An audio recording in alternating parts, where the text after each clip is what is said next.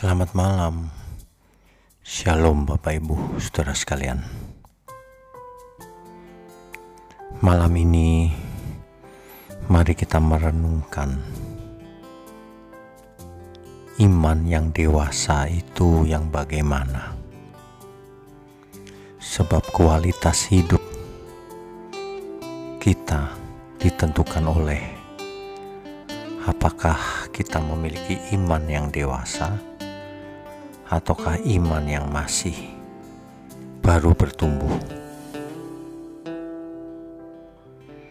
Yang pertama, iman yang dewasa itu memerlukan proses.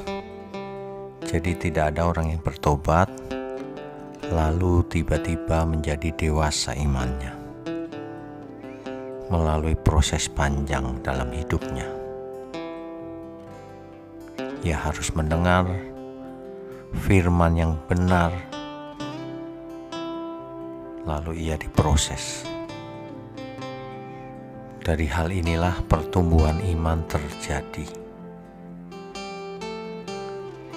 Yang kedua, untuk bertumbuh dengan benar ke arah kedewasaan, diperlukan pengertian akan kebenaran firman Tuhan yang diartikan secara benar,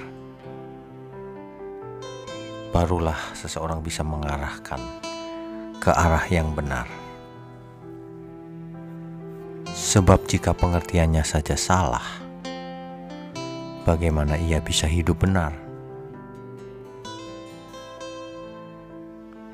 Yang ketiga, cirinya adalah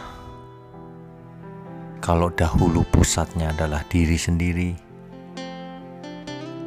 datang kepada Tuhan karena keinginan diri sendiri, ada maksud-maksud tertentu, ingin menggunakan kekuasaan Tuhan untuk kepentingan diri sendiri, maka sekarang ia berubah orientasi sekarang imannya ditujukan kepada Tuhan untuk kepentingan Tuhan, untuk memuliakan Tuhan. Jadi, ia tidak hidup bagi dirinya sendiri.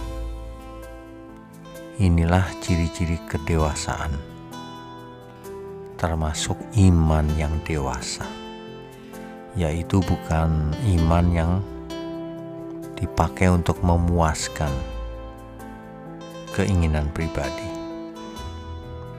Tetapi iman yang dewasa adalah mendewasakan setiap karakter kita, setiap pola pikir.